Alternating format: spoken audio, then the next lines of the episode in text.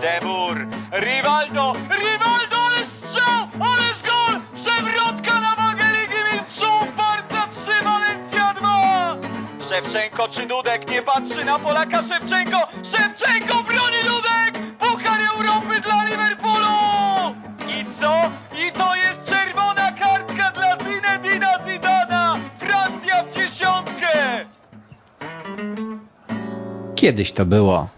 Dzień dobry, rozpoczynamy kolejny program z cyklu Kiedyś to było na antenie Weszło FM. Przed mikrofonem Kamil Kania. Zapraszam na podróż w czasie przez piłkarską karierę Didiera Drogby, a ze mną i z Państwem są dzisiaj także Michał Kołkowski z Weszło.com. Cześć. Oraz Błażej Dawidowicz z retrofutbol.pl. Dzień dobry. Słowo się rzekło. W naszym panteonie piłkarskich sław czas na jednego z najlepszych zawodników w historii Afryki. Didier Drogba urodził się 11 marca 1978 roku w Abidżanie, ale już w wieku 5 lat wyjechał do Francji. Mieszkał tam u wuja, zawodowego piłkarza Michela Goby. Tęsknił jednak za domem, za mamą, która zafascynowana jugosłowiańskim dyktatorem Josipem Broz Titą wołała na niego Tito więc wrócił do wybrzeża Kości Słoniowej. Natomiast niedługo później musiał wyjechać ponownie. Jego rodzice stracili pracę i sytuacja materialna rodziny pogorszyła się. Dołączyli oni zresztą do niego po kilku latach, osiedlając się nad Sekwaną.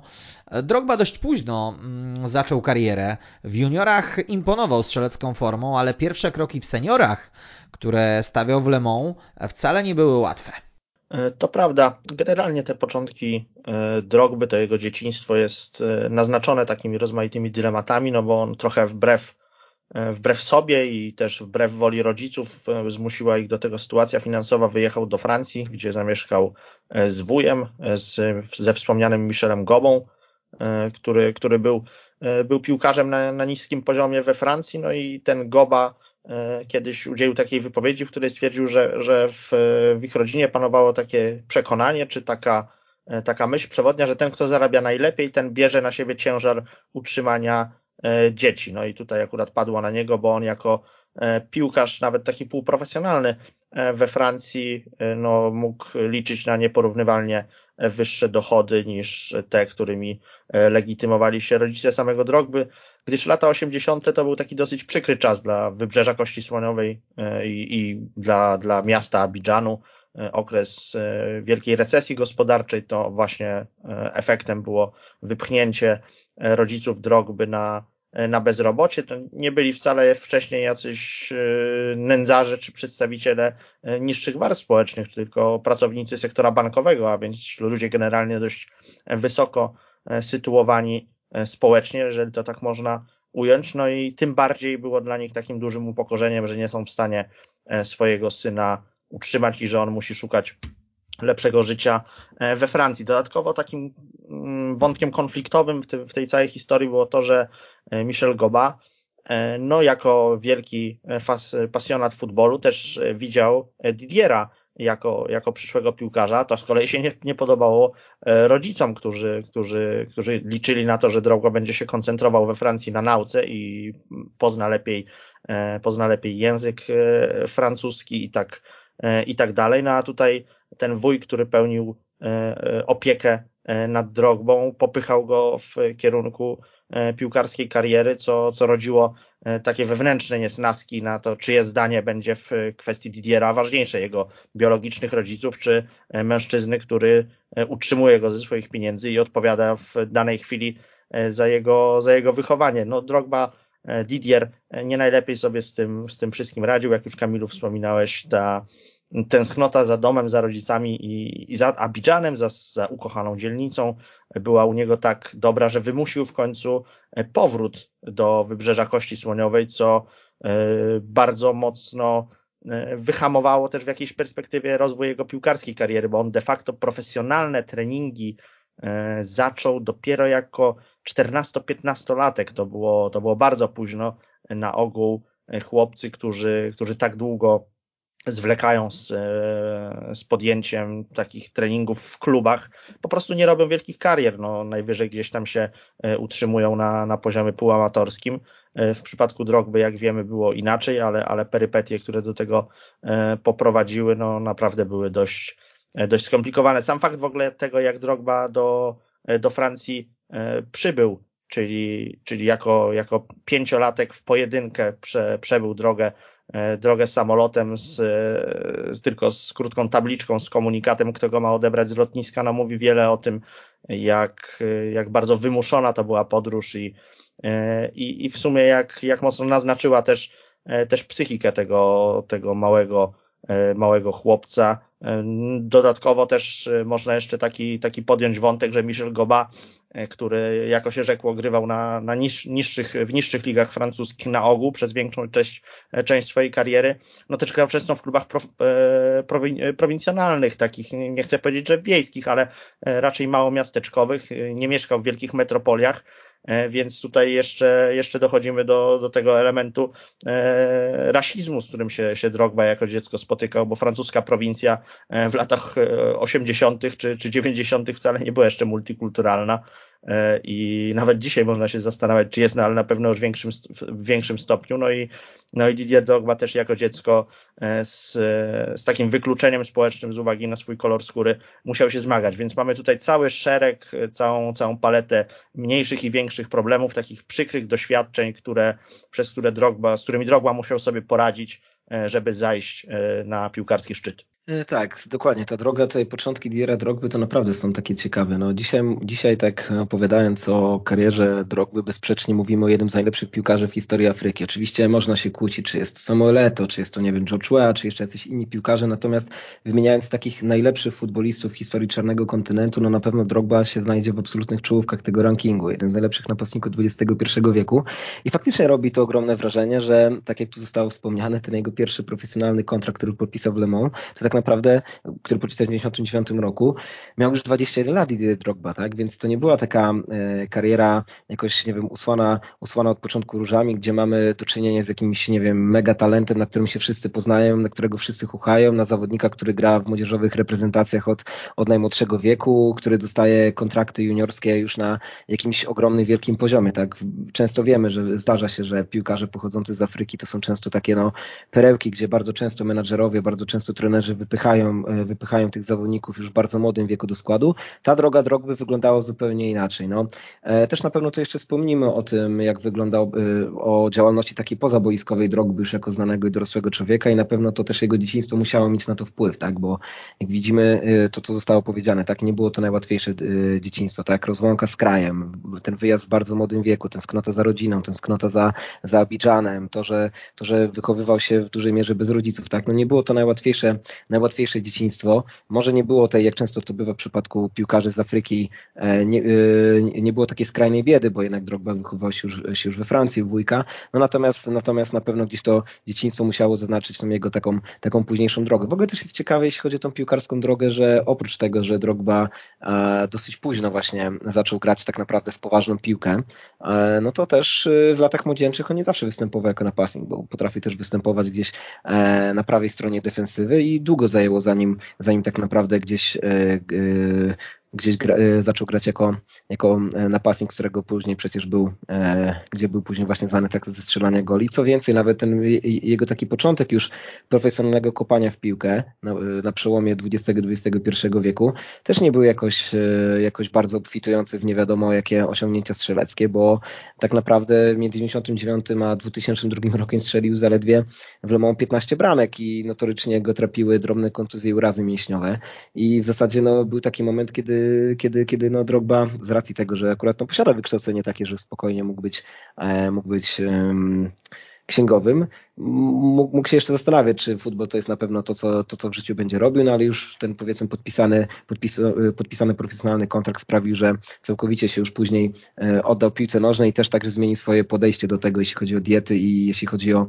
e, o trening, a już później wiemy, jak to się w dalszych klubach francuskich wszystko później rozwinęło, że już później mamy, mamy już opowieść o, e, o piłkarzu, który stał się, który stał się później absolutnie czołowym piłkarzem całej francuskiej ligi. Drogba trafił do Gęgą i po półrocznej aklimatyzacji wystrzelił z formą. Strzelił 17 goli w 34 spotkaniach, wykorzystując m.in. świetne dogrania Florą Maludy, z którym później jeszcze wielokrotnie będzie się spotykał na boisku. Klub zajął siódme miejsce w ligę, najwyższe w swojej historii. No, nie mogło to umknąć wysłannikom mocniejszych klubów i niedługo potem Iworyjczyk zameldował się już w Marsylii. No rzeczywiście to Gengon to był taki przełom, ponieważ wcześniej jeszcze, e, jeszcze za czasów występów w Le Mans Drogba zaczął już wzbudzać e, pewne zainteresowanie nawet wielkich e, klubów francuskich, bo, bo i samo PSG podpytywało się się o niego, ale, ale wszyscy odradzali mu ten ruch, bo, bo czy to trenerzy, czy, czy najbliżsi, bo byli przekonani po prostu, że on tam, tam przepadnie, że jest zawodnikiem zbyt surowym technicznie. To nie jest przypadek, że wystawiano go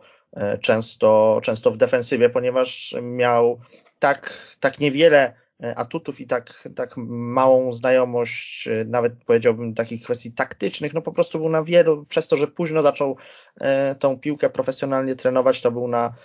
na wielu płaszczyznach zapóźniony względem swoich rówieśników i po prostu odstawał na ich tle. Z jednej strony trenerzy widzieli, że w tym jego młodym ciele tkwi potencjał na to, aby Drogba stał się taką prawdziwą bestią e, pola, pola karnego, ale z drugiej strony też trudno było, e, było Iworyjczyka e, rozwijać piłkarsko, skoro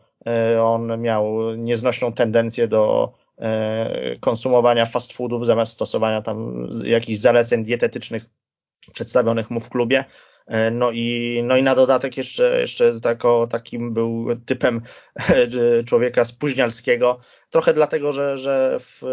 zawsze mu było wszędzie daleko, nie, nie było go stać na wynajęcie mieszkania gdzieś w okolicach, e, w okolicach klubu, dojeżdżał po kilkadziesiąt kilometrów dziennie, no ale tak czy owak było to, e, było to irytujące i dla kolegów z drużyny, i dla właśnie sztabu szkoleniowego, że, e, że Drogba jest taką postacią, może nawet nie niesforną, ale po prostu no, niepoukładaną, nie, nie, niepoukładaną na, na wielu, wielu polach, czy to E, czy to takiej organizacji własnego życia, czy to, e, czy to diety, czy to wreszcie, jeżeli chodzi o kwestie taką, takie typowo piłkarskie, jak poruszanie się po boisku i odpowiednie zachowania, e, czy to w starciach z przeciwnikami, czy, czy w polu karnym i tak dalej. No, z dużym opóźnieniem, ale, ale faktycznie udało się wreszcie Didiera wyprowadzić na, na ludzi. No i ten sezon 2002-2003 e, w Gengon to jest, to jest długo oczekiwany e, przełom, na który już naprawdę niewiele wskazywało, bo jeszcze e, sezon wcześniej Drogba rozegrał w ogóle tylko 11 spotkań ligowych, był trapiony kontuzjami. Wyglądało na to, że po prostu no już jest za późno, że to jego ciało nie zostanie dostosowane do wymogów profesjonalnego uprawiania sportu i sam Drogba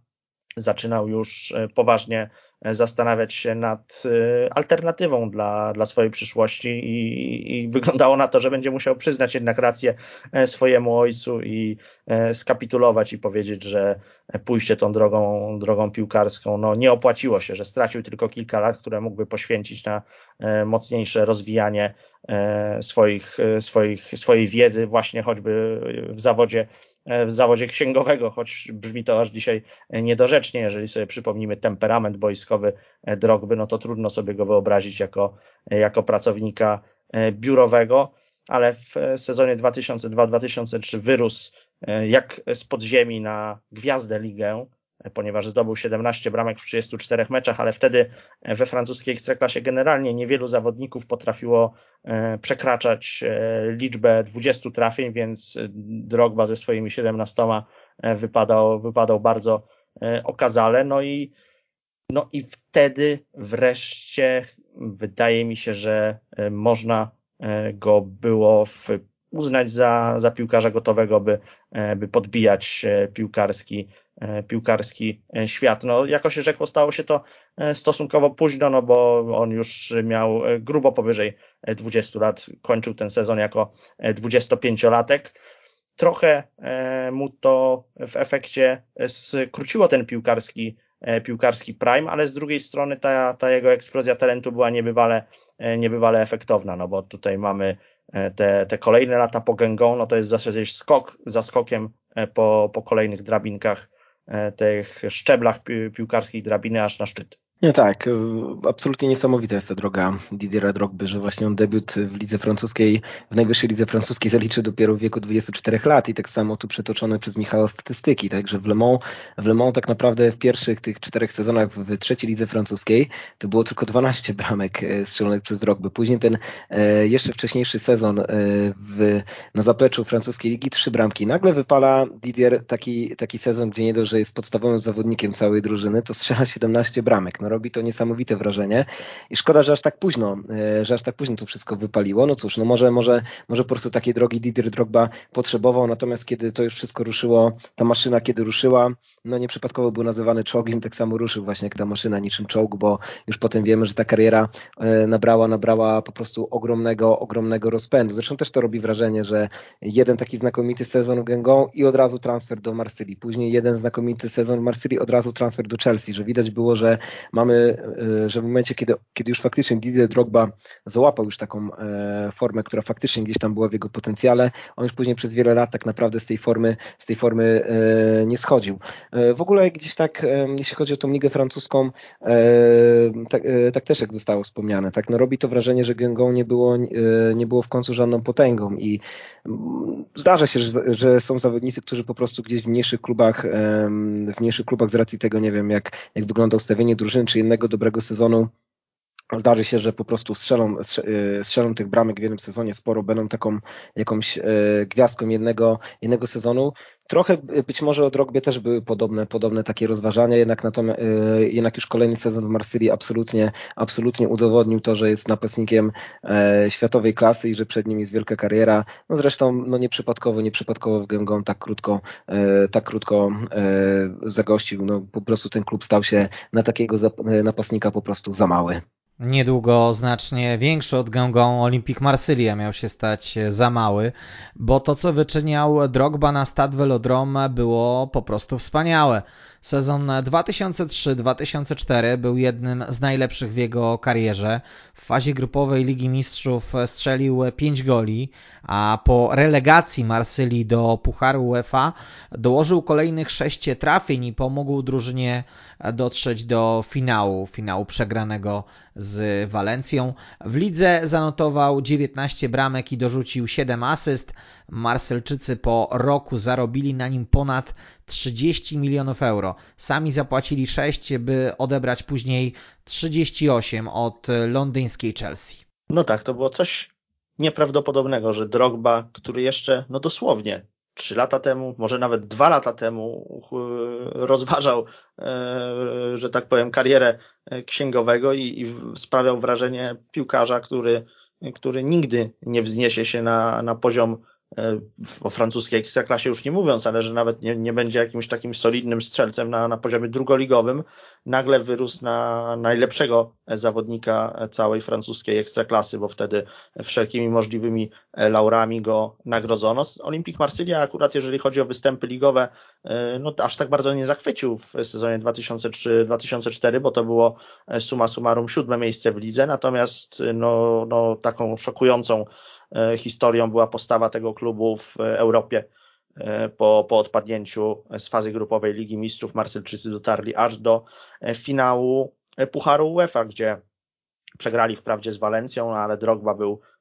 gigantyczną postacią na, na drodze Olimpiku do, do finałowego starcia, no bo strzelił decydującą bramkę w dwumeczu z Dnipro, który Marsylia wygrała 1 e, do 0. Potem przyczynił się do sensacyjnego e, wyeliminowania Liverpoolu, gdzie e, zdobył kolejne dwa gole. Później Olimpik poradził sobie z Interem Mediolan, co również było mega sensacją. Również Drogba tam w jednym ze spotkań zdobył zwycięskie trafienie. No i wreszcie mamy półfinał, gdzie Drogba zdobywa dwa gole, wyrzucając w ten sposób za burtę Newcastle United. No, definicja po prostu słowa kluczowy tak, tak Drogba grał przed, i stał się z, z piłkarza takiego powiedziałbym nieporadnego, trochę, trochę nieogarniającego swoich e, boiskowych zadań, ale też mającego problem z odpowiednim rozwinięciem się fizycznym, no na przestrzeni naprawdę krótkiego czasu napastnikiem w zasadzie kompletnym, ponieważ e, imponujące były jego strzeleckie wyczyny, to jasne, zdobył w sumie we wszystkich rozgrywkach 32 gole w 55 e, meczach, no ale Drogba był też napastnikiem gwarantującym dużo więcej atutów swojemu zespołowi niż tylko e, strzelone gole. Stał się e, specjalistą, jeżeli chodzi o utrzymywanie się przy piłce pod presją obrońców. No, jeszcze kilka lat, e, kilka sezonów wcześniej on odbijał się od defensorów, teraz to oni zaczęli odbijać się od niego. Nie, niesamowita transformacja, wręcz jak z jakiegoś filmu o, o superbohaterze E, no i, no i rzeczywiście na stad Velodrom Drogba zdecydowanie superbohaterem się stał. On do dzisiaj jest tam bardzo ciepło wspominany, a przecież rozegrał zaledwie jeden sezon w Olimpiku Marsylia w klubie o takiej historii. No, wydawałoby się, że taką gwiazdę jednego e, sezonu kibice dość, e, dość szybko, dość szybko zapomną, a, a tutaj jest inaczej, ponieważ Drogba no, grał nie tylko skutecznie, ale i bardzo, bardzo spektakularnie i ten transfer do Chelsea E, był, był naturalną koleją rzeczy, chociaż sam Roman Abramowicz nie do końca był przekonany do, e, do Drogby. Liczył e, na to, że Jose Mourinho, który rozpoczynał wtedy swoje rządy na Stamford Bridge,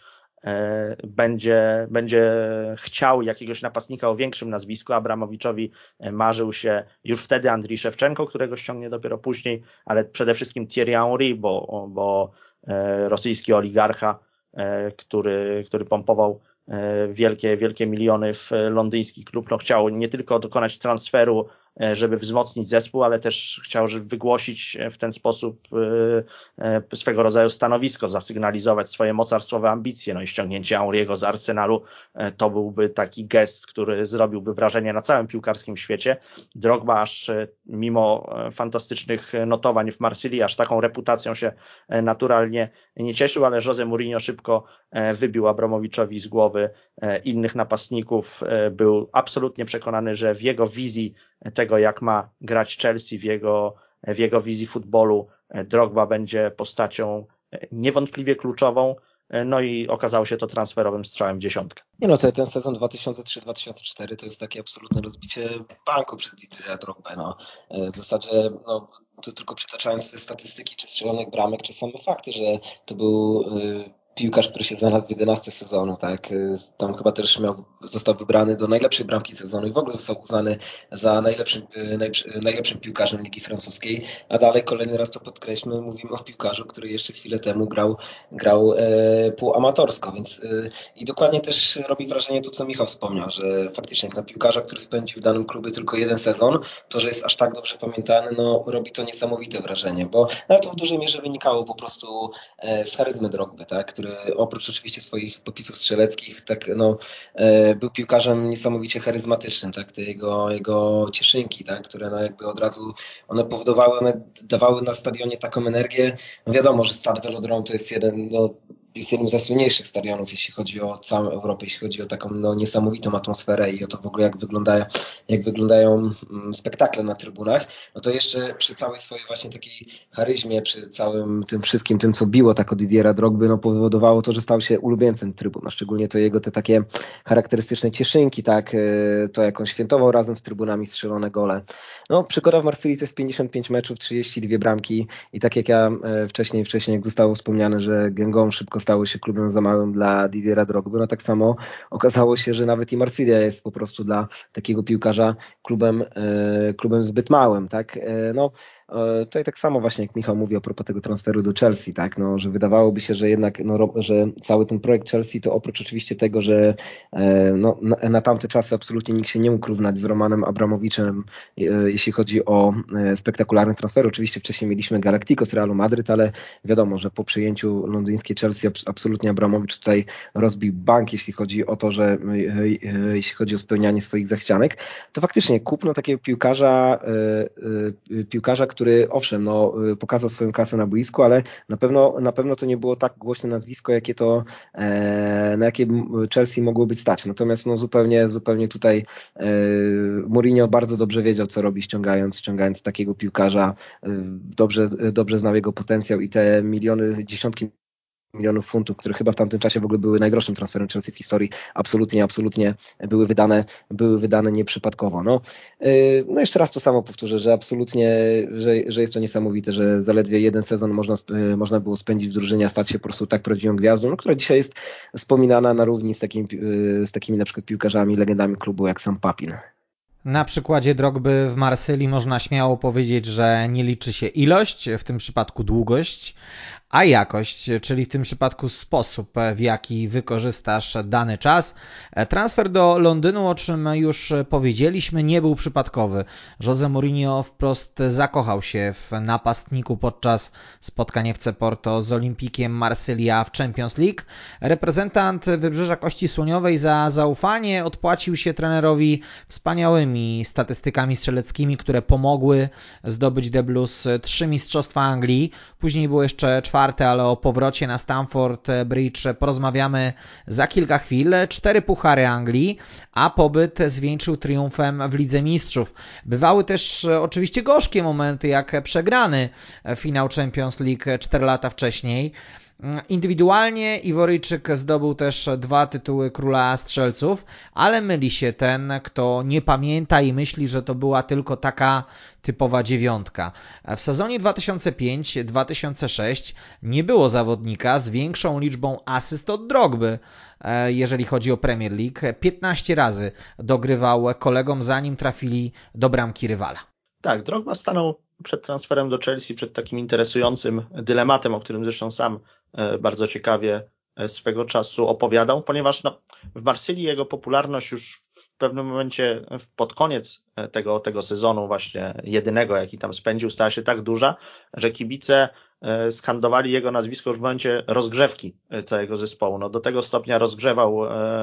nomen omen wyobraźnię trybun Drogba, że mógł już liczyć na, na owację na stojąco, zanim jeszcze rozpoczął się mecz. No, niewielu e, piłkarzy może, może aż, e, aż taką sympatią się, e, się cieszy, zwłaszcza jeżeli chodzi o publikę na velodrom, która, która bywa, bywa dość wymagająca i, i kapryśna względem swoich zawodników, niezależnie od tego, jakie akurat wzloty i upadki przeżywa,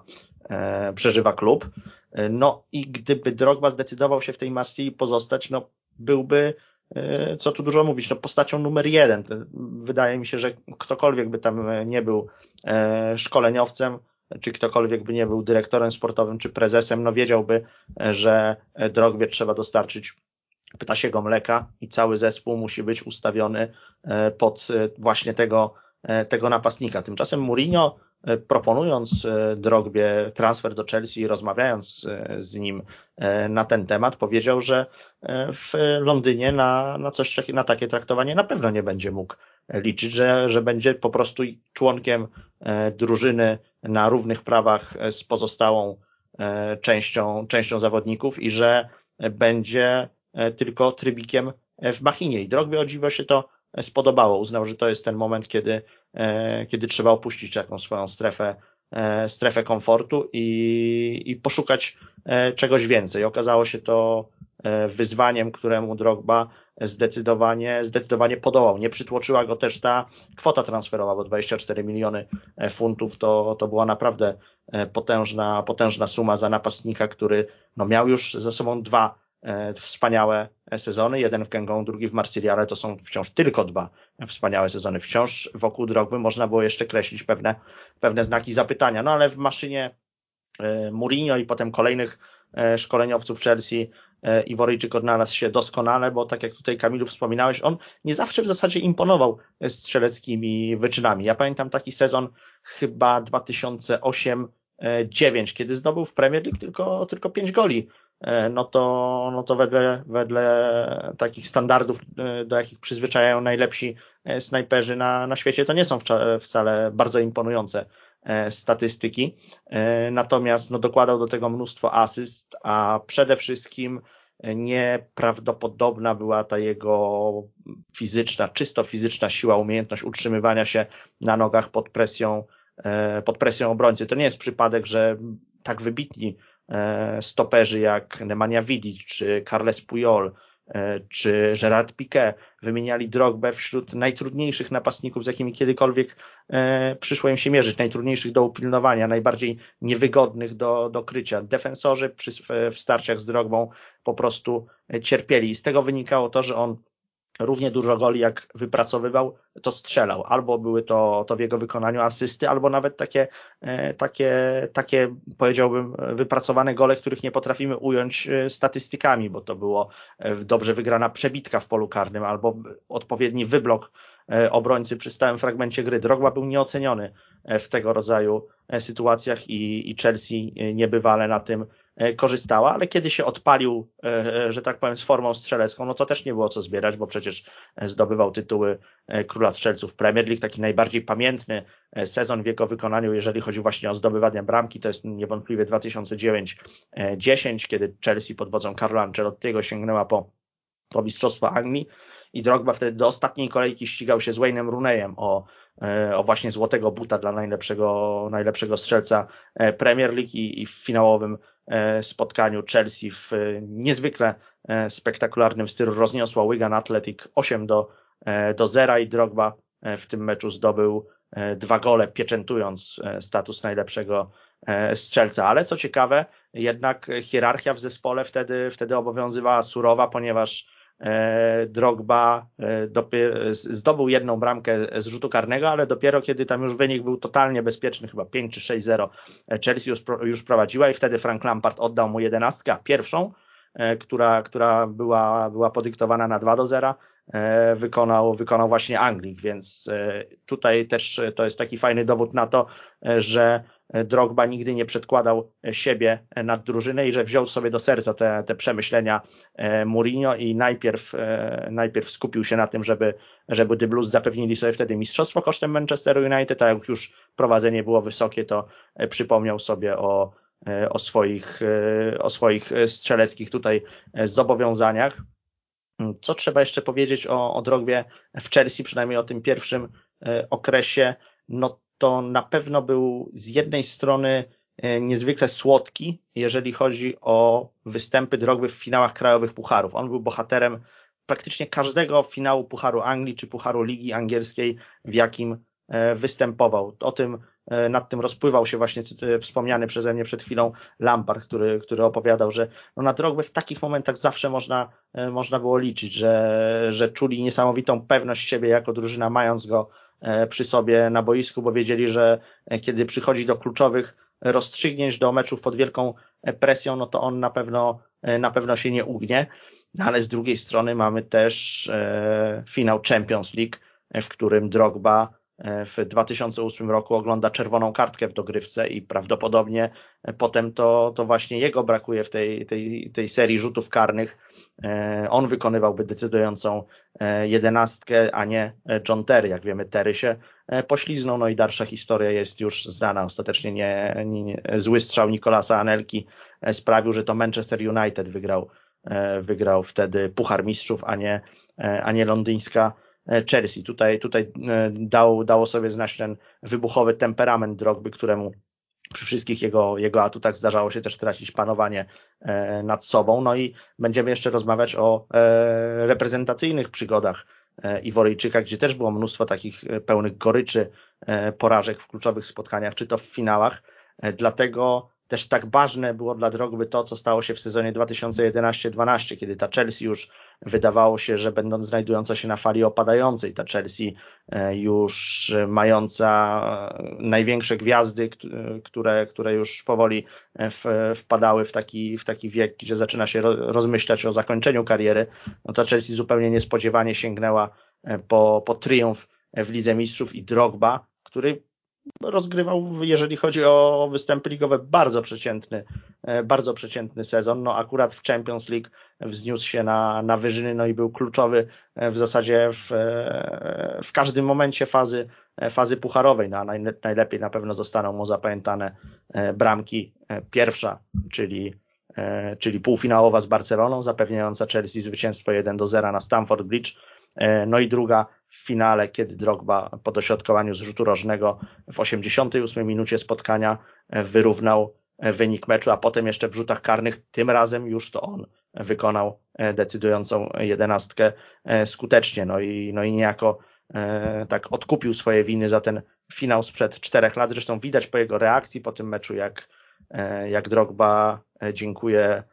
dziękuję niebiosom za to, jak ostatecznie spotkanie się rozstrzygnęło, że taki gigantyczny kamień spadł mu z serca. Gdyby on odszedł z Chelsea i nie udałoby mu się z nią zatriumfować w Champions League, myślę, że byłoby takie e, no, poczucie jednak niespełnienia, że, że jakiejś kropki nad i nie udało się postawić. Oczywiście transparentu e, Drogba Legend z trybun Stamford Bridge nikt by, nikt by nie zdjął, gdyby, gdyby Iworyjczyk ostatecznie z The Blues w Lidze Mistrzów nie zatriumfował, no ale to była E, taka wisienka na torcie. To było to brakujące trofeum ery e, Romana Abramowicza. E, no i ostatecznie Drogba, mimo że już, tak jak mówiłem, akur generalnie będący raczej na fali opadającej w swojej karierze, zdołał swoją drużynę do, na ten szczyt poprowadzić. Tak, no ja właśnie chciałem tutaj opowieść o e, Didierze Drogbie w Chelsea, zacząć właśnie od tego wspomnianego przez Michała transparentu Drogba Legend, bo jeśli kibice są w stanie coś takiego wieść na twoją cześć, no to oznacza nie mniej, nie więcej, tylko naprawdę, że zapisałeś absolutnie w historii, e, w historii klubu. No, liczby też mówią same przede wszystkim za siebie, to jest łącznie 381 meczów, 164 goli. I to samo o czym mówił Kamil, również 71 asyst, bo nie można zapominać o tym, że Didier Drogba to nie tylko był e, list polujący na te bramki, tylko to także był po prostu piłkarz, który bardzo mocno pracował, pracował dla drużyny, tak, no, cztery tytuły mistrza Anglii, dwa razy korona króla strzelców, tak, e, także, także no nawet i te indywidualne osiągnięcia, jak e,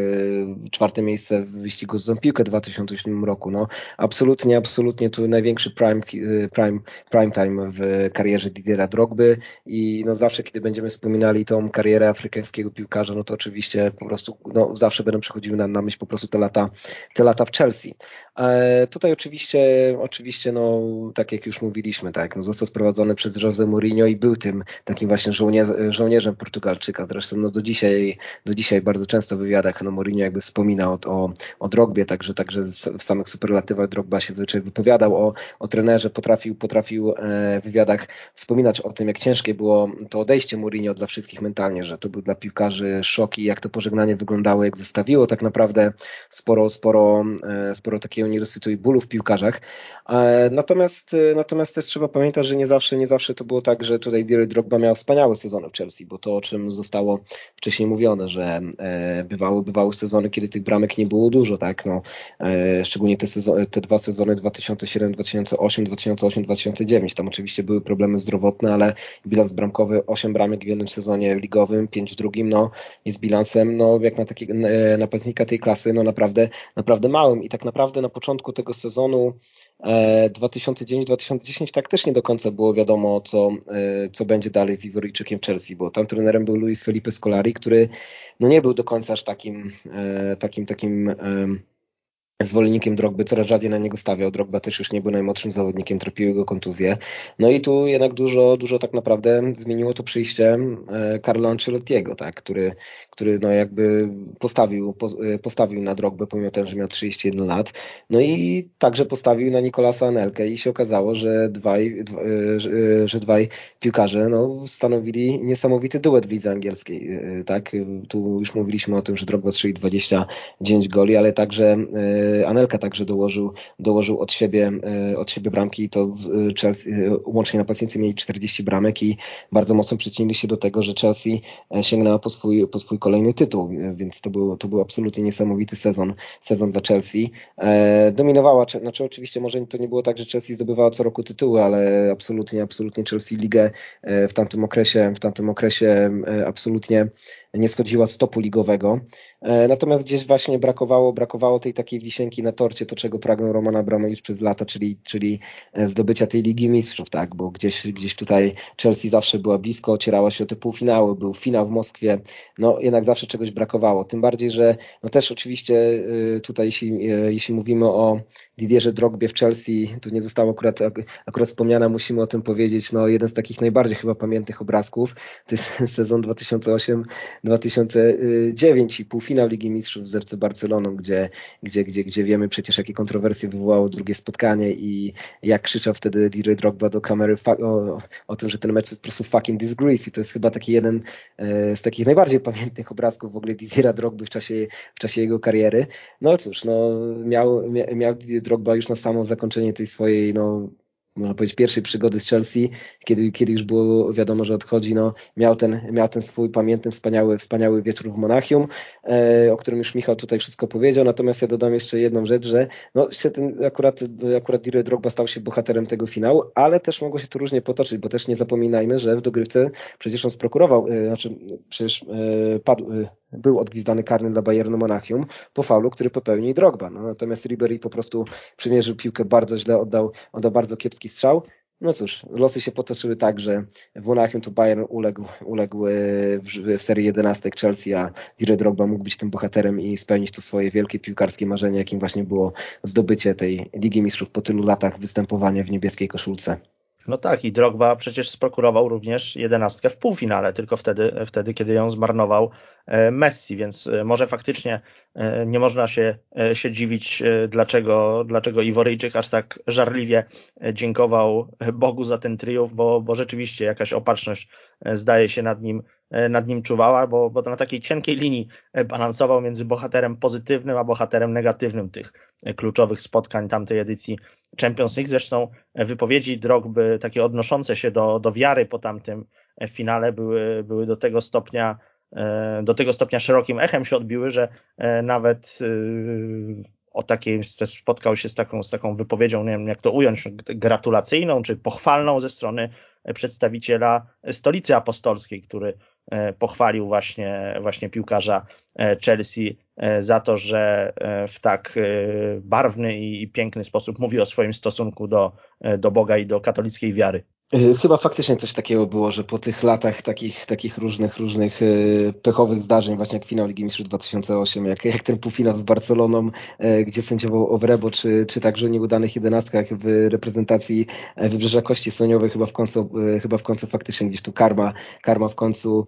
zadziałała na korzyść Didiera Drogby i miał ten swój wspaniały wieczór w Monachium. Czarujący w Europie Didier Drogba stał się z miejsca liderem reprezentacji Wybrzeża Kości Słoniowej i jej największą nadzieją na upragnione Mistrzostwa Afryki, a także na sprawienie niespodzianki na Mundialu. Na przełomie stycznia i lutego 2006 roku Iworyjczykom szło znakomicie. Po morderczej serii rzutów karnych, gdzie Drogba dwukrotnie musiał podchodzić do wapna, WKS y, pokonał Kamerun i dotarł do finału. Z Egiptem Iworyjczycy zremisowali 0 do 0 i znów decydowały jedenastki, ale Drogba nie był już tak skuteczny. Legendarny egipski bramkarz Essam El Hadari, nawiasem mówiąc jeden z moich ulubionych bramkarzy, e, stanął na wysokości zadania i zapewnił faraonom złoto. Na domiar złego wymarzony mundial, gdzie słonie miały być czarnym koniem, miały przełamać mundialową klątwę Afryki, zakończył się fiaskiem. Drogba strzelił gola przeciwko Argentynie, ale po dwóch porażkach to mecz z Serbią i Czarnogórą, wygrany, e, nie miał większego znaczenia. E, Drogba w ogóle w nim nie wystąpił z uwagi na żółte kartki, które obejrzał z Argentyną i Holandią. Ktoś powie, że grupa była bardzo trudna i będzie miał rację, bo to była grupa śmierci, ale bardzo rozczarowujący był też występ Iworyjczyków. Być może ja jestem srogi w tej mojej ocenie, ale ja pamiętam oczekiwanie na ten e, występ WKS-u na mundialu. To miał być zespół znacznie mocniejszy niż Senegal, który 4 lata wcześniej oczarował kibiców e, w Korei i Japonii. Generalnie zacząć trzeba od tego, w jaki sposób Wybrzeże Kości Słoniowej awansowało na te e, Mistrzostwa Świata, ponieważ to był pierwszy taki, taki przypadek w historii, kiedy Iworyjczycy na, na tej najważniejszej piłkarskiej imprezie zagrali. Wcześniej wszystkie kampanie eliminacyjne kończyły się dla nich mniej lub bardziej bolesnymi e, klęskami, więc istniało w kraju takie poczucie, że no, narodziło się złote pokolenie e, piłkarzy z Wybrzeża Kości Słoniowej, bo pamiętajmy, że wówczas Słonie, no to, no to zdecydowanie nie był tylko Drogba, to było cały, cały szereg piłkarzy występujących na, na bardzo wysokim europejskim poziomie i stąd istniały powody, by przypuszczać, że E, że Wybrzeże Kości Słoniowej może nawet w tak trudnej grupie e, z Argentyną, Holandią i Serbią i Czarnogórą trochę namieszać, no bo tutaj możemy wymienić Emanuela Ebue, Kolo Touré, Jaje Touré, Didiera Zokore, też kiedyś naprawdę klasowego defensywnego pomocnika Aruna Kone, pewnie o kimś tam teraz zapominam, Salomon Kalu oczywiście, E, Kader Keita, no i tak dalej, i tak dalej. E, ta, ta lista zawodników e, cenionych z Wybrzeża Kości Słoniowej była wówczas bardzo długa, chyba tylko bramkarza jakoś nie potrafili się dorobić na, na, światowym, na światowym poziomie. Nie lubiłeś Żana Jacques'a Tiziego? Nie, nie byłem wielkim fanem tego, tego zawodnika, ale co chciałem powiedzieć, no, ten awans, który został wywalczony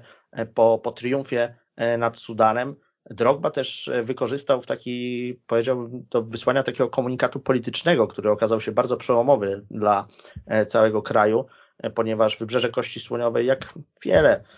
niestety afrykańskich państw na początku XXI wieku było pogrążone w wojnie domowej, takiej bardzo, bardzo krwawej, określonej wieloma przykrymi, brutalnymi wydarzeniami. No i można powiedzieć, że kraj E, o olbrzymim potencjale, e, czy to, czy to jeżeli chodzi o demografię, czy to jeżeli chodzi o, o zasoby e, naturalne, no, no, znajdował się od dekad w jakimś niemalże permanentnym kryzysie, no i, no i wojna domowa była tego ostatecznym przejawem i po wywalczeniu awansu jeden z reporterów krajowej E, telewizji wszedł do, do szatni, w której znajdowali się e, piłkarze Wybrzeża e, Kości Słoniowej, no i, no i z kamerą, no i wówczas Drogba przejął mikrofon, zabrał, zabrał głos i, i wygłosił taki bardzo żarliwy apel o, o przebaczenie, o to, żeby, żeby wreszcie w kraju, w kraju doszło do jakiegoś porozumienia. Wszyscy piłkarze wtedy klęknęli, zaczęli razem skandować właśnie ta, to słowo. Przebaczcie, przebaczcie, E, przebaczcie, to, było, to, było, to miało wielką wymowę, ponieważ w reprezentacji naturalnie e, grali, grali zawodnicy pochodzący ze wszystkich regionów kraju, również tych zwaśnionych byli e, i, i przedstawiciele południa i przedstawiciele północy. I oni wszyscy razem trzymając się tam za, za ręce czy za ramiona wspólnie klęknęli. I faktycznie po, po tygodniu, po raz pierwszy, po tygodniu od tego, tego zwycięskiego meczu z Sudanem i od apelu Drogby do, doszło do, do pierwszych od dawien dawna e, rokowań e, pokojowych e, w kraju, więc tutaj, tutaj to, to zachowanie Drogby też pokazało jego taką wielką świadomość, jeżeli chodzi o, mm, o to, jak wygląda sytuacja w wybrzeżu Kości Słoniowej. On zawsze pozostał bardzo związany z tym krajem. Wyjazd do Francji tutaj, tutaj nic nie zmienił. Nigdy, nigdy Didier nie udawał, że, E, że czy, e, czy nie udawał, nigdy nie, nie, nie, nie, nie rozważał tego, żeby to Francja, e, żeby to Francja stała się jego, jego, jego krajem, jego, jego ojczyzną. Był, był zawsze przekonany co do tego, że jego serce bije w Abidżanie, w takim, w tym takim abidżańskim rytmie, no i no, jego zaangażowanie polityczne, czy też takie charytatywne w kolejnych latach tylko, tylko się zwiększało, więc z tego względu nawet kolejne niepowodzenia na E, piłkarskich, e, piłkarskich imprezach nie, nie zburzyły nigdy e, tego wizerunku Drogby jakiego, jako zdecydowanie najważniejszego sportowca w całym, w całym państwie, a tych niepowodzeń było sporo, no bo tutaj faktycznie możemy zacząć od takiego trochę nieszczęsnego 2006 roku, tak jak Kamilu wspominałeś, to był to była porażka w finale Pucharu Narodów Afryki, gdzie Wybrzeże Kości Słoniowej było, było wielkim E, wielkim faworytem do zwycięstwa. Drogba tam e, spudłował, e, zepsuł rzut karny w serii jedenastek, no a potem ten nie najlepszy występ na, na mundialu. I Iwory, problemem Iworyjczyków było to, że oni nie potrafili przebić pewnego szklanego sufitu, powiedziałbym, rankingowego. No zabrakło im takiego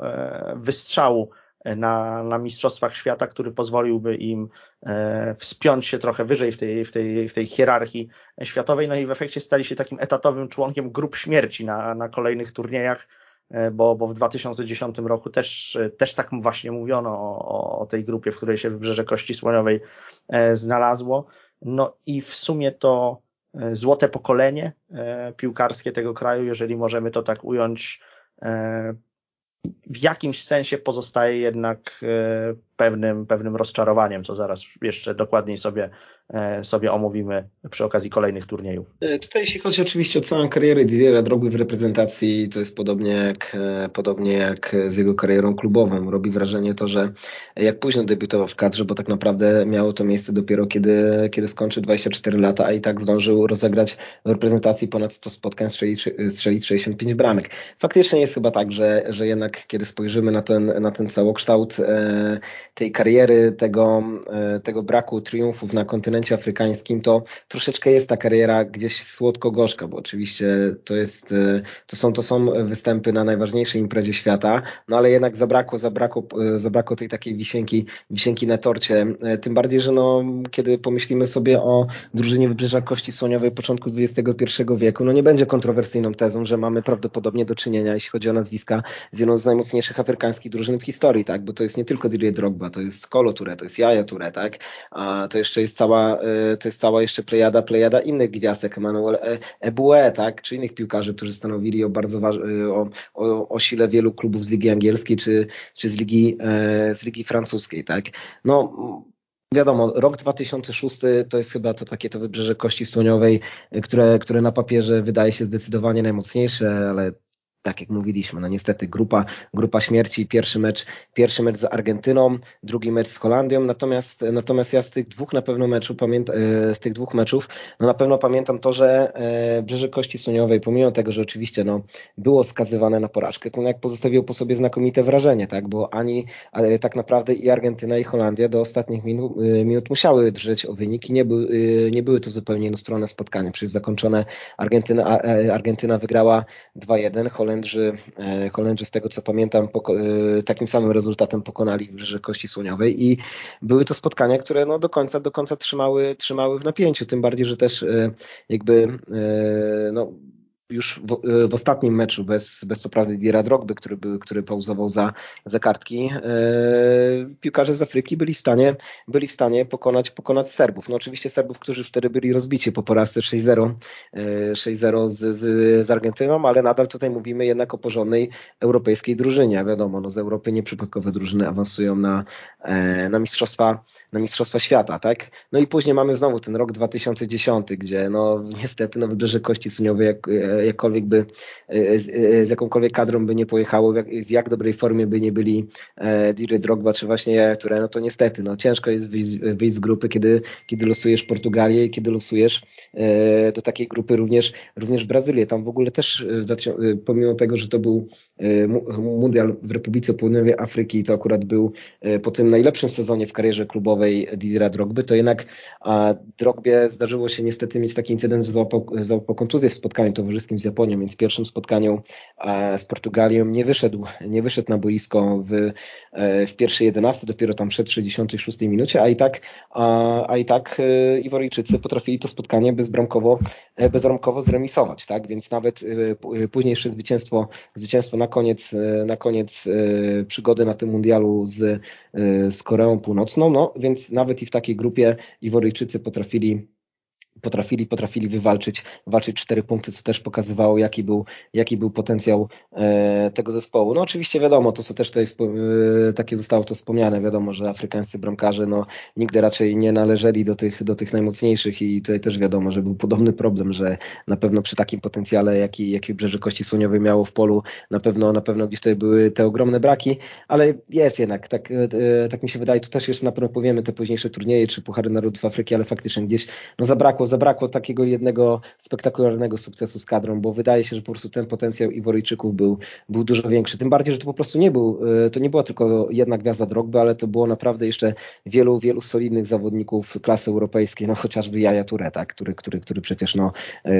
na przełomie, na przełomie pierwszej i drugiej dekady XXI wieku był absolutnie jednym z czołowych, z czołowych piłkarzy Ligi Angielskiej. Kolejne rozczarowania Iworyjczyków e, przyszły na Pucharach Narodów Afryki w 2008 i 2010 roku. W 2008 Drogba indywidualnie wyglądał znakomicie. Sprawdziłem to sobie, strzelił trzy gole i zaliczył cztery asysty, ale czwarte miejsce to było zdecydowanie za mało na ten iworyjski e, potencjał, o którym wspominaliście. Dwa lata później było jeszcze gorzej, indywidualnie i zespołowo. Drogba strzelił jednego gola, a Wybrzeże odpadło już w ćwierćfinale. Tak, to były takie turnieje dość, dość przykre. Widać było, że Iworyjczycy nie bardzo radzą sobie z tym ciężarem roli E, faworyta. To jest zresztą to, to, takie było dosyć charakterystyczne, można powiedzieć, dla e, Pucharu Narodów Afryki, gdzie, e, gdzie zaskakująco wiele triumfów odnosił choćby Egipt, który już w eliminacjach do Mistrzostw Świata miał, miał wielkie problemy z tym, żeby przez, przez te lata przebrnąć i, i zakwalifikować się na mundial, a jeżeli chodzi o te e, kontynentalne rozgrywki, no to tak e, trochę z zapleców e, tych, tych największych faworytów, takich jak, jak właśnie Wybrzeże Kości Słoniowej, jak Kamerun, jak, jak Ghana również, Egipcjanie potrafili, potrafili często wyskoczyć i, i święcić kolejne, kolejne triumfy. No dla Drogby było to bolesne szczególnie, no bo on e, choćby w przeciwieństwie do e, tego swojego, chyba tak to trzeba ująć, przez, przez wiele lat głównego e, oponenta do, do tytułu najlepszego afrykańskiego napastnika, czyli w przeciwieństwie do Samuela Eto, no on cały czas nie miał tego, tego złota z reprezentacją narodową. Był uznawany oczywiście za, za piłkarza wybitnego, był doceniany indywidualnie i tak dalej, i tak dalej, no ale E, swojego, swojej nacji e, do, do żadnego triumfu e, poprowadzić nie potrafił. No i, i dla mnie tutaj takim najbardziej charakterystycznym przejawem tych, tych notorycznych, notorycznych rozczarowań Drogby w narodowych barwach no, pozostaje jednak rok 2012 i, i ten turniej, kiedy wydawało się, że no to już musi być moment wybrzeża Kości Słoniowej, ponieważ w finałowym E, spotkaniu Pucharu Narodów Afryki przyszło Iworyjczykom zmierzyć się z reprezentacją Zambii, która, która na tle e, na tle właśnie wybrzeża jako tak potencjałem piłkarskim prezentowała się niemalże jako e, outsider, no a jednak i tutaj Iworyjczycy polegli. Na dodatek Drogba znów w kluczowym momencie nie wykorzystał rzutu, rzutu karnego, akurat nie w serii 11, bo tam już strzelił, ale, ale wcześniej w trakcie, w trakcie meczu, no i to już była E, że tak powiem, trochę, trochę miarka tych rozczarowań się, się przebrała i tym ważniejszy był później dla, dla Drogby triumf w Lidze Mistrzów, bo to te dwa wydarzenia dzieliło zaledwie, e, zaledwie kilka, e, kilka miesięcy, ponieważ no, no naprawdę człowiek o, o tak głębokich uczuciach patriotycznych jak, jak Drogba i postać tak, tak ważna też dla, dla krajowej E, publiczności właśnie ze względu na te aspekty, o których wspomniałem, trochę takie polityczno, e, polityczno-społeczne, e, no jednak w tych, tych takich najbardziej newralgicznych momentach turniejów, zwłaszcza, zwłaszcza w finałach, przynosiła, przynosiła kibicom kolejne gorzkie pigułki,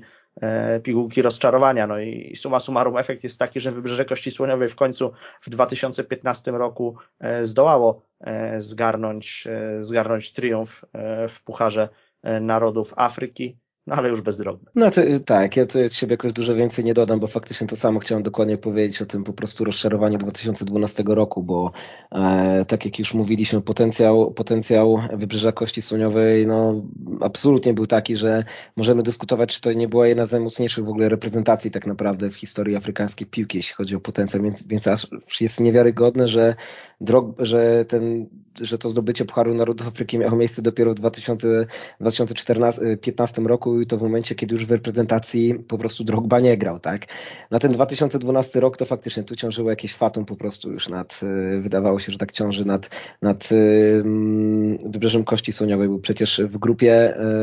wszystkie spotkania swoje reprezentacja Iworyjczyków wygrała, tak? Zresztą no, w pierwszym spotkaniu z Sudanem Drogba zresztą nawet strzelił bramkę, tak? Później, później ćwierćfinał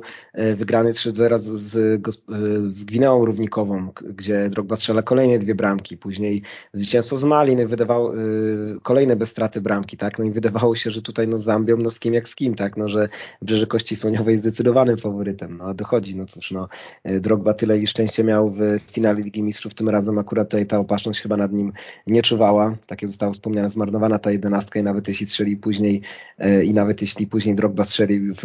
w, w samym finale, no to cóż, no tutaj tutaj mieliśmy bardzo taką nietypową serię jedenastek, bo to było aż wynik 8 do 7, rzadko zdarzają się tak długie serie, no ale w końcu to dwa razy, dwa razy się pomylili piłkarze Wybrzeża Kości Słoniowej, piłkarze Zambii tylko raz i to oni triumfowali, więc no gdzieś, gdzieś na pewno, na pewno tego, tego takiego no, albo bardzo dobrego występu na mundialu, albo po prostu e, zdobycia tego czempionatu na krajowym podwórku na pewno gdzieś zabrakło, żeby tak, e, żeby, żeby, żeby, żeby mówić o tej karierze Didiera Drogby w reprezentacji, że była spełniona. No natomiast, natomiast e, robią wrażenie te liczby, bo jeśli w 105 spotkaniach kto strzela ponad 60 bramek, no to widać, że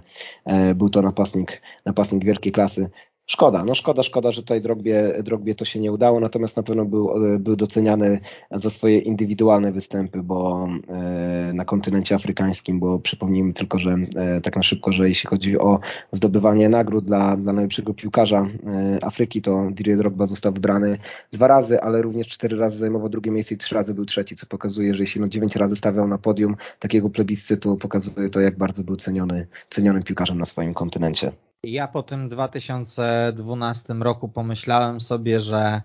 Didier Drogba miał być talizmanem reprezentacji, a okazał się jej e, przekleństwem i to też e, potwierdziły późniejsze lata i to, że słonie bez niego potrafiły zdobyć Mistrzostwo Czarnego Lądu. Ten Puchar Narodów Afryki 2012 roku jest jakimś apogeum wszelkiego pecha Didiera Drogby, bo drużyna bez straconego gola dochodzi do e, finału. Takiej porażki się nie da wytłumaczyć. Sześć lat wcześniej porażkę z Egiptem można było wyjaśnić kibicom. Chodziło przecież o czołową drużynę kontynentu, o gospodarzy tamtego czempionatu, a Zambia, no Zambia była rewelacją, ale aż do finału traktowana była bardziej jako turniejowa ciekawostka niż realny kandydat do tytułu. Do tego ten niewykorzystany rzut karny E, w czasie podstawowych 90 e, e, minut. No i ta puenta, czyli, czyli Mistrzostwo Afryki dla Wybrzeża już bez Didiera Drogby w składzie. Zdecydowanie tak. To jest, wydaje mi się, że chyba taki najbardziej przykry aspekt kariery Drogby, który naturalnie mnóstwo wycisnął soków z tejże kariery, biorąc pod uwagę to, jak, jak późno się po prostu, po prostu rozkręcił, no ale Puchary Narodów Afryki, one się jednak odbywają dosyć, e, dosyć często. Tam Drogba tych szans na, e, na sięgnięcie po, po końcowy triumf e, miał, miał sporo, no a wypuszczał je z rąk i to często właśnie w takim bardzo, bardzo spektakularnym stylu, że tak to, że tak to ujmę, ale spektakularnym w, w, w, w tym przypadku w negatywnym kontekście, ponieważ to było takie, takie wykładanie się na ostatniej prostej, na, na kilka kroków przed, przed metą. Oczywiście Drogba bardzo, bardzo ładnie się zachował po tym, jak, jak Iworyjczycy wreszcie zatriumfowali e, w Pucharze Narodów e, Afryki. są w internecie nagrania z jego, z jego reakcji, gdy, gdy obserwuje e, już końcowy gwizdek w finałowym spotkaniu i, i zwycięstwo swoich rodaków. To jest po prostu szczera radość człowieka, któremu wielki kamień spadł z serca, no ale nie uwierzę, że jakaś zadra na tym sercu e, nie pozostała, że, że po prostu to, to bez niego e, wszystko się, e, się wydarzyło. No, trudno powiedzieć, czy możemy tu mówić właśnie o, o jakiejś klątwie, czy po prostu o olbrzymim nagromadzeniu pecha. No na pewno jest to, jest to aż niezwykłe, że piłkarz tak, tak wybitny w skali całego kontynentu, na dodatek będący liderem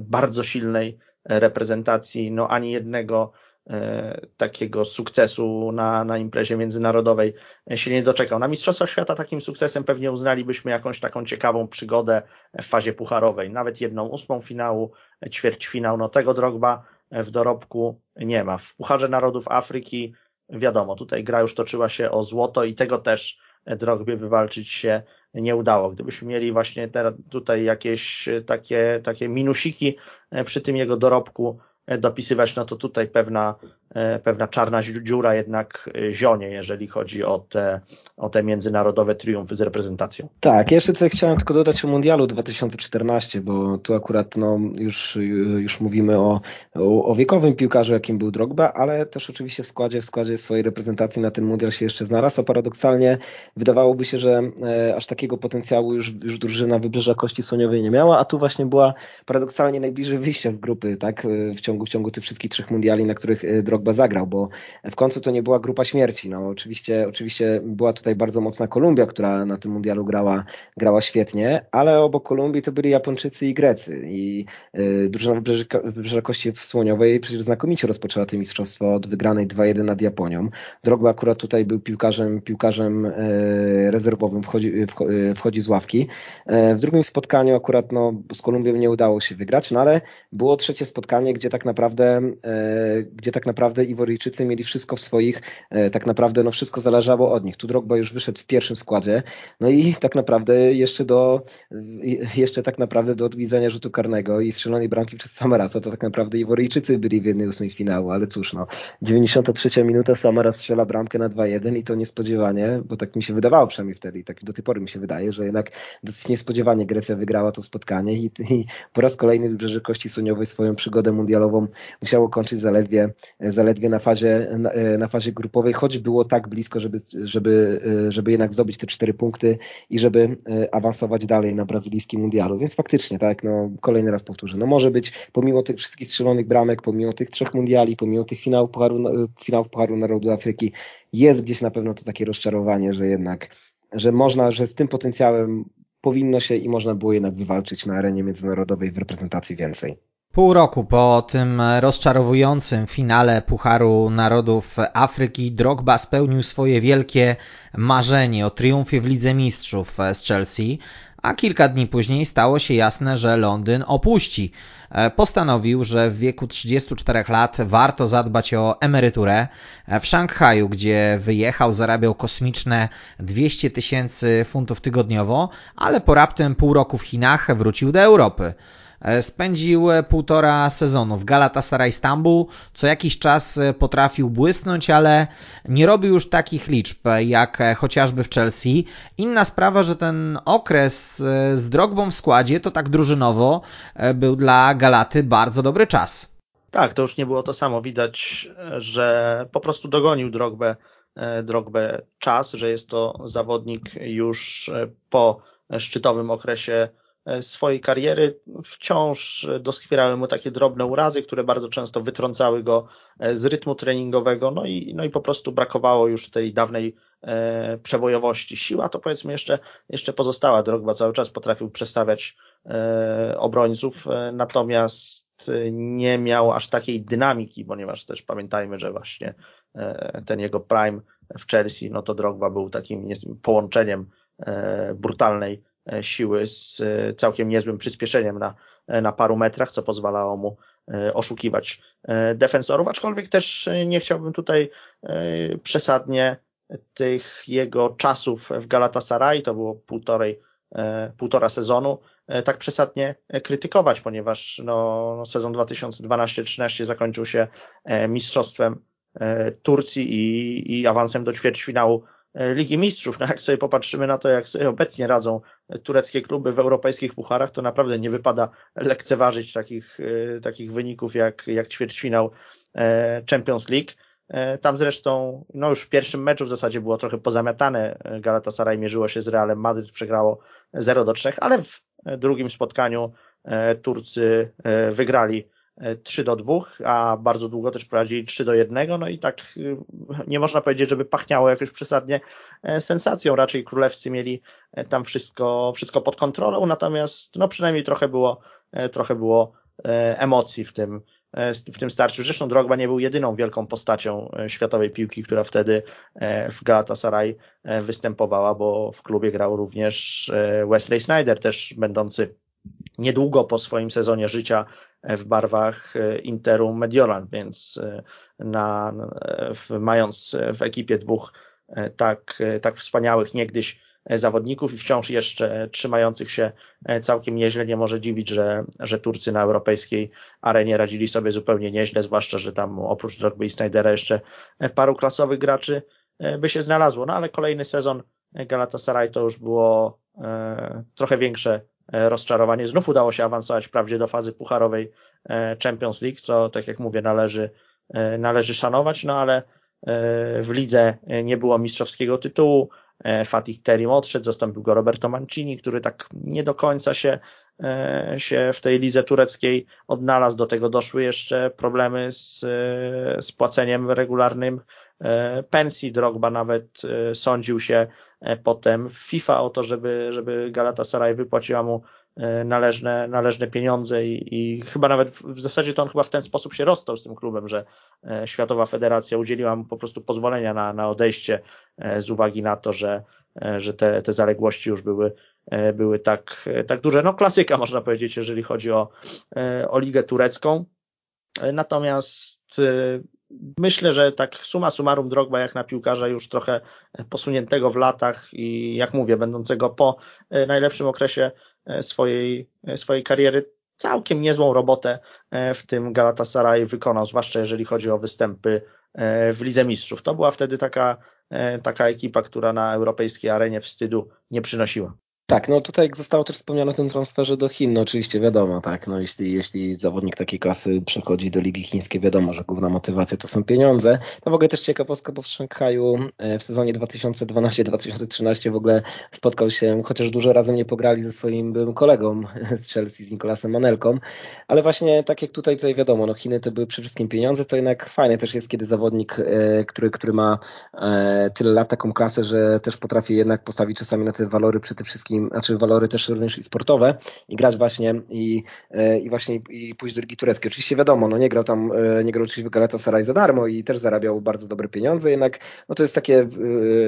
e, wolimy, wolimy, kiedy jednak chyba przynajmniej ja z perspektywy kibica wolę, kiedy jednak tacy, tacy dobrzy tacy zasłużeni zawodnicy jednak gdzieś nam nie uciekają z radarów, grając właśnie w jakichś takich odległych ligach jak Liga Chińska, tylko na przykład właśnie tak jak turecka, że możemy ich jeszcze oglądać, oglądać gdzieś na, na arenie europejskich e, pucharów. Tutaj jakoś specjalnie więcej, więcej nad tą przygodą w tureckiej piłce, e, więcej oczywiście tu jakoś od Michała nie dodam, natomiast, natomiast tylko chciałem jeszcze e, wspomnieć, że no też z racji swojej specyfiki tych kibiców, e, e, kibiców, prawda, no bardzo żywiołowych na trybunach też również były takie no ciemniejsze strony niestety tego pobytu, pobytu w Turcji, bo e, Drogba także stawał się, stawał się także ofiarą rasistowskich ataków. To były, były, były takie znane przypadek, kiedy go wybuczeli kibice Fenerbahce, kiedy, kiedy naśladowali w oczywisty sposób odgłosy małp i tam pamiętam, że miał taki dosyć emocjonalny wpis w mediach społecznościowych Drogba właśnie o tym, że, że, że, że, że, że nazywacie mnie małpą, ale to właśnie wypłakaliście, kiedy ja wam w barwach Chelsea strzelałem bramki w 2008 roku, tak, że nazywacie mnie małpą, ale, ale, ale to oklaskiwaliście mnie, kiedy ja wygrywałem Ligę Mistrzów, tak, nazywacie mnie małpą, ale to ja was w derwach Stambułu pogrążyłem, tak, i no, był taki emocjonalny wpis, pamiętam, no szkoda, szkoda, no niestety czasami tak jest, że, że na trybunach, na trybunach jeszcze dzieją się takie rzeczy. Sportowo transfer się broni, no wiadomo, Drogba, Drogba to już był daleki od swojej, swojej swojego prime time'u, ale jednak tej, y, w tureckiej, w tureckiej Superlidze trochę bramek padło, bo, bo, bo to było łącznie 15, łącznie 15 bramek, też również występy w europejskich pucharach, więc myślę, że jeśli na tak wiekowego i zasłużonego piłkarza, to y, ten czas w, Galat, ten czas w Galatasaray to wcale, wcale nie był, nie był sportowo, sportowo złym czasem. No szkoda też, że to rozstanie, tak jak tu Michał opowiadał, no wyglądało w taki sposób, jak, jak, to, jak to czasami niestety wygląda w lidze, w lidze tureckiej, która potrafi mieć wielkie gwiazdy, potrafi mieć wielu kibiców, wspaniałych ale nie zawsze to zarządzanie potrafi być na najbardziej profesjonalnym poziomie. Wobec e, tej roli rezerwowego, która przypadła mu na mundialu w Brazylii i jednak będę się upierał, e, coraz przeciętniejszych wyników strzeleckich w Turcji, tym dziwniejszy, e, przynajmniej mi, wydawał się powrót Didiera Drogby na Stamford Bridge. Do powrotu Iworyjczyka, jego samego jak i klub przekonała inna, wracająca do Londynu legenda, czyli Jose Mourinho. Rola Drogby była rzecz jasna zupełnie inna niż dekadę wcześniej. Tym strzelcem wyborowym był już wówczas Diego Costa. Iworyjczyk wchodził częściej z ławki, ale za to bardzo regularnie. Uzbierał 40 meczów i 7 bramek. Chelsea wygrała dublet do Mistrzostwa Anglii, dołożyła Puchar Ligi i ten powrót chyba się jednak obronił. No tak, tutaj niewątpliwie dała o sobie znać wielka zażyłość, e, jaka, jaka istniała między Drogbą a, a Mourinho. Już trochę o tym wspominaliśmy, chyba najbardziej jaskrawym e, dowodem na to było pierwsze rozstanie Mourinho e, z Chelsea. Mourinho został wtedy zwolniony na, na początku sezonu i kiedy przyszedł do szatni, żeby ogłosić po swojej już rozmowie z Romanem Abramowiczem, że, że żegna się z klubem, no to E, piłkarze nie, ukrywa, nie ukrywali e, głębokiego rozczarowania, a Drogba wręcz nie krył łez, po prostu rozpłakał się na wieść o tym, że, że Mourinho odchodzi, potraktował to jako taką swoją osobistą e, porażkę, trochę się za to obwiniał, że on jako piłkarz no, nie potrafił tak wartościowego szkoleniowca e, w klubie, e, w klubie utrzymać i, i, i Mourinho w zasadzie samemu będąc w nie najlepszym humorze, no bo, no bo żegnał się z londyńską ekipą, musiał się też trochę skupić na tym, żeby rozklejonego Drogbę podnieść na duchu. Panowie niewątpliwie bardzo przypadli sobie mm, do gustu, a poza tym Drogba też jako się E, już rzekło z tymi swoimi fizycznymi e, walorami, e, pasował po prostu do, do stylu gry preferowanego przez, przez Portugalczyka, bo, bo Jose zawsze lubił mieć na szpicy takiego, takiego napastnika, który nie tylko jest skoncentrowany na, na zdobywaniu bramek, ale też potrafi trochę, trochę się wycofać, przytrzymać piłkę, pomóc w rozegraniu i tak dalej. No, trudno w zasadzie tak z punktu widzenia czysto sportowego ten, e, ten transfer ocenić, no bo z jednej strony no, statystyki Drogby to są dość marne, no 7 bramek w 40 występach, nawet biorąc pod uwagę, że te 40 występów to było e, w sumie niewiele minut, bo, bo Drogba, e, jako się rzekło, często był zmiennikiem, no ale tak czy owak, pewnie Mm, kibice The Blues mimo wszystko od swojej legendy no, troszeczkę e, więcej oczekiwali, ale z drugiej strony udało się e, zwyciężyć e, w Premier League, co, co miało niewątpliwą wartość. No i poza tym Drogba jako taki mega doświadczony zawodnik, bardzo ceniony przez kibiców, był jednym z liderów tego zespołu i był też takim liderem w starym stylu, taki, takim z jakimi Mourinho się zawsze najlepiej dogadywał. To nie jest przypadek, że te jego ostatnie sezony, ostatnie sezony Mourinho w trenerskiej karierze, przynajmniej tak mi się zdaje, że to nie jest przypadek, czyli, czyli właśnie to, to mistrzostwo wywalczone z Chelsea, potem jeszcze dorzuciłbym ten sezon, gdy, gdy został wicemistrzem Anglii e, z Manchesterem United i, i, e, i dorzucał też, też w tamtym klubie triumf e, w Lidze Europy, no to tu w jednym klubie miał, miał u siebie Drogbę, a w drugim z kolei Zlatana Ibrahimowicza, czyli takich piłkarzy o niezwykłej charyzmie, ale też piłkarzy trochę starej szkoły. E, no, no Mourinho akurat, akurat z takimi, z takimi zawodnikami potrafił dochodzić do porozumienia, trochę gorzej mu to, mu to idzie, jeżeli chodzi o te gwiazdy nowego e, pokolenia. E, no i, i myślę, że w, patrząc na to w tym kontekście, to Drogba jakąś tam cegiełkę do, do tego, do tego mistrzowskiego tytułu dołożył większą niż wskazywałyby na to powiedzmy liczba bramek, jakie zdobył. Myślę, że on był po prostu ważną postacią dla, e, dla szatni i ważnym, takim oparciem dla,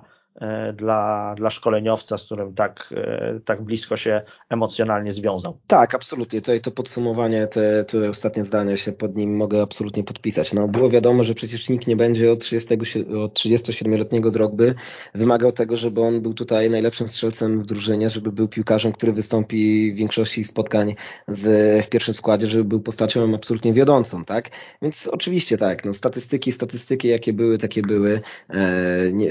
nie, nie powalały na kolana i to nie tylko w lidze, ale również w lidze mistrzów, z tego co pamiętam, to chyba chyba tylko tam yy, Drogba, Drogba też tylko wystąpił w, z ławki w kilku spotkaniach, natomiast gdzieś to był transfer troszeczkę wykraczający tylko i wyłącznie poza te sportowe, poza tylko te sportowe aspekty, tak, bo mówimy o piłkarzu ogromnie doświadczonym, o piłkarzu kochanym przez trybuny, o piłkarzu, który gdzieś na pewno wprowadza tą taką dobrą atmosferę do zespołu, jako po prostu ten taki lider. Lider nie zawsze musi być tylko yy, najlepszym piłkarzem drużynie lider nie zawsze musi być tym takim piłkarzem, który będzie, który będzie zaczynał każde spotkanie w pierwszym składzie, ale to również może być lider właśnie gdzieś szatni mentalny, który, który będzie po prostu dla, dla młodszych zawodników gdzieś jakimś, e, kimś, kto będzie e, pokazywał, jaką drogę iść i na pewno, i na pewno kimś takim droga w tym sezonie był. No, oczywiście no, nie, nie był tak wiodącą postacią zupełnie jak Eden Hazard, tak, który, który jak Eden, jak właśnie jak Eden Hazard, który, który wtedy rozegrał wspaniały sezon, bo tak jak mówiliśmy, Drogby za ten, za ten sezon 14-15 ocenia statystykami nie można, bo, bo nie można tego, od niego tego było wymagać, ale puenta jest naprawdę przepiękna, tak, że po tylu latach spędzonych w Chelsea, po tych wszystkich transparentach Drogba Legend i tak dalej, po tym finale Ligi Mistrzów w 2012 roku mamy jeszcze dorzucone to ostatnie Mistrzostwo Anglii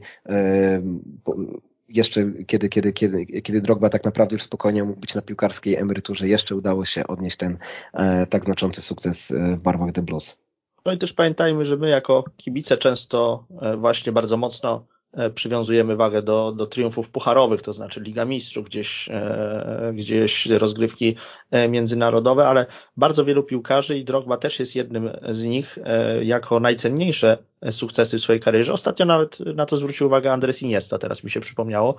wymieniają mistrzostwa krajowe, ponieważ to jest 38 spotkań, trzeba na dystansie wielu miesięcy zaprezentować swoją wyższość nad rywalami i z takiego czysto piłkarskiego punktu widzenia właśnie bardzo często można się spotkać z opiniami, że to mistrzostwo będące efektem tak wyczerpującego sezonu smakuje najlepiej, więc tutaj tym bardziej z tej perspektywy krótki powrót Drogby do Chelsea można, można po prostu uznać za to udany. Jest czterokrotnym mistrzem Anglii. Cóż, e, z pewnością bywały gorsze powroty legend do ukochanych klubów e, niż powrót Didiera Drogby na Stamford Bridge. E, Iworyjczyk kupony od kariery miał odcinać już w Chinach, ale tak naprawdę dopiero w 2015 roku na dobre postanowił zarabiać bardziej swoim nazwiskiem niż rzeczywistą formą. Wyjechał za wielką wodę, występował w Montreal Impact i Phoenix Rising, kończąc definitywnie karierę w 2018 roku. No tak, na pewno e, nie był e, to jeden z tych e, zawodników, którzy po przeprowadzce do Stanów Zjednoczonych, czy też w zasadzie można powiedzieć do Kanady w tym przypadku, no bo, no bo dla Montreal Impact grał Drogba początkowo, ale w lidze amerykańskiej, no to bywały, powiedziałbym, powiedziałbym bardziej, bardziej spektakularne finisze e, karier w USA, ale bywały też e, gorsze. Trudno tej Drogbę e, przesadnie wyróżniać za, za jego wyczyny w MLS, no bo to pierwszy sezon to był jeszcze, można powiedzieć, przynajmniej pod względem statystycznym dosyć, dosyć niesamowity, bo Drogba tam strzelał mnóstwo goli, ale też grał nie za wiele. Kontuzje pleców już doskwierały mu E, mu bardzo mocno. Kolejne rozgrywki były mniej udane pod tym kątem e, strzeleckim, no a potem w sumie ta, ta przygoda Drogby z, z amerykańskimi rozgrywkami już miała trochę bardziej charakter biznesowy, ponieważ on się przeniósł do e, ekipy Phoenix Rising, która w ogóle nie występuje w MLS, tylko w USL, United Soccer, Soccer League, więc tam, tam Drogba w tym Phoenix Rising był pierwszym, zdaje się, grającym e, wciąż e, piłkarzem właścicielem e, w historii futbolu, ponieważ posiadał mniejszościowy pakiet udziałów w klubie, no i jeszcze tam sobie trochę, trochę, trochę pograł. Generalnie, gdybyśmy tak mieli oceniać, to ten finisz kariery nieszczególnie imponujący, ale też nie było to ordynarne naciąganie ekip z oceanu na na kasę. Coś tam jeszcze drogo potrafił e, na boisko wnieść, jeżeli zdrowie mu e, na to, na to pozwalało. No i wciąż mówimy e, o, o piłkarzu, który suma summarum pograł do, do 40, a, a na, na wielką scenę wkroczył jako dwudziestoparolatek, tam 24-25-latek, więc też, też nic dziwnego, że ta, ta, jego, ta jego boiskowa przygoda potrwała E,